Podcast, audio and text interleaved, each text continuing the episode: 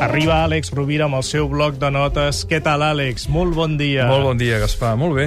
Avui amb un aforisme que, per cert, està extret del seu llibre Paraules que curen, publicat per Plataforma.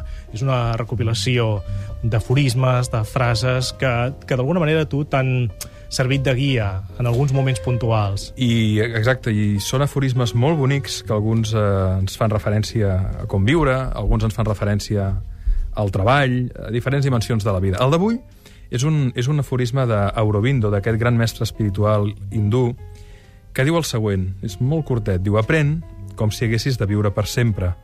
Viu com si t'haguessis de morir demà. Eh, penso que no es poden dir tantes coses amb tan poques paraules. No és difícil trobar un aforisme més sintètic i a la vegada més revelador. És una invitació al viure, no? Um, sovint nosaltres diem de vegades guanyem, de vegades perdem. Potser hauríem de redefinir-ho i dir de vegades guanyem i de vegades aprenem, no? Podem viure la vida com una oportunitat d'aprenentatge continu, com una oportunitat d'una experiència enriquidora passi el que passi, no? És cert que hi ha moltes vegades que ens costarà trobar un sentit o un aprenentatge de determinades experiències, però si hem de seguir vivint perquè els nostres fills ens esperen o perquè hi ha algú que estimem, doncs val la pena intentar aprendre. I sobretot això, aprendre com si de viure per sempre, perquè més és el que ens emportarem, però sobretot viure com si haguéssim de morir demà. És a dir, només tenim el present. El, el futur no existeix.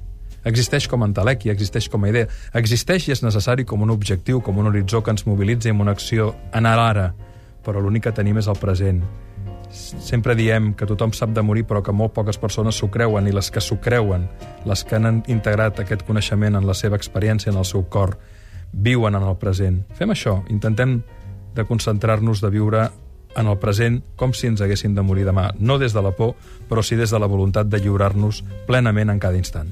És el bloc de notes d'Àlex Rovira, com cada diumenge, l'Àlex Rovira que demà obre de nou la remissió del programa Bricolatge Emocional que en el seu dia va emetre TV3 i que eh, demà emet el Canal 33 a partir d'un quart de 10 del vespre, al Canal 33.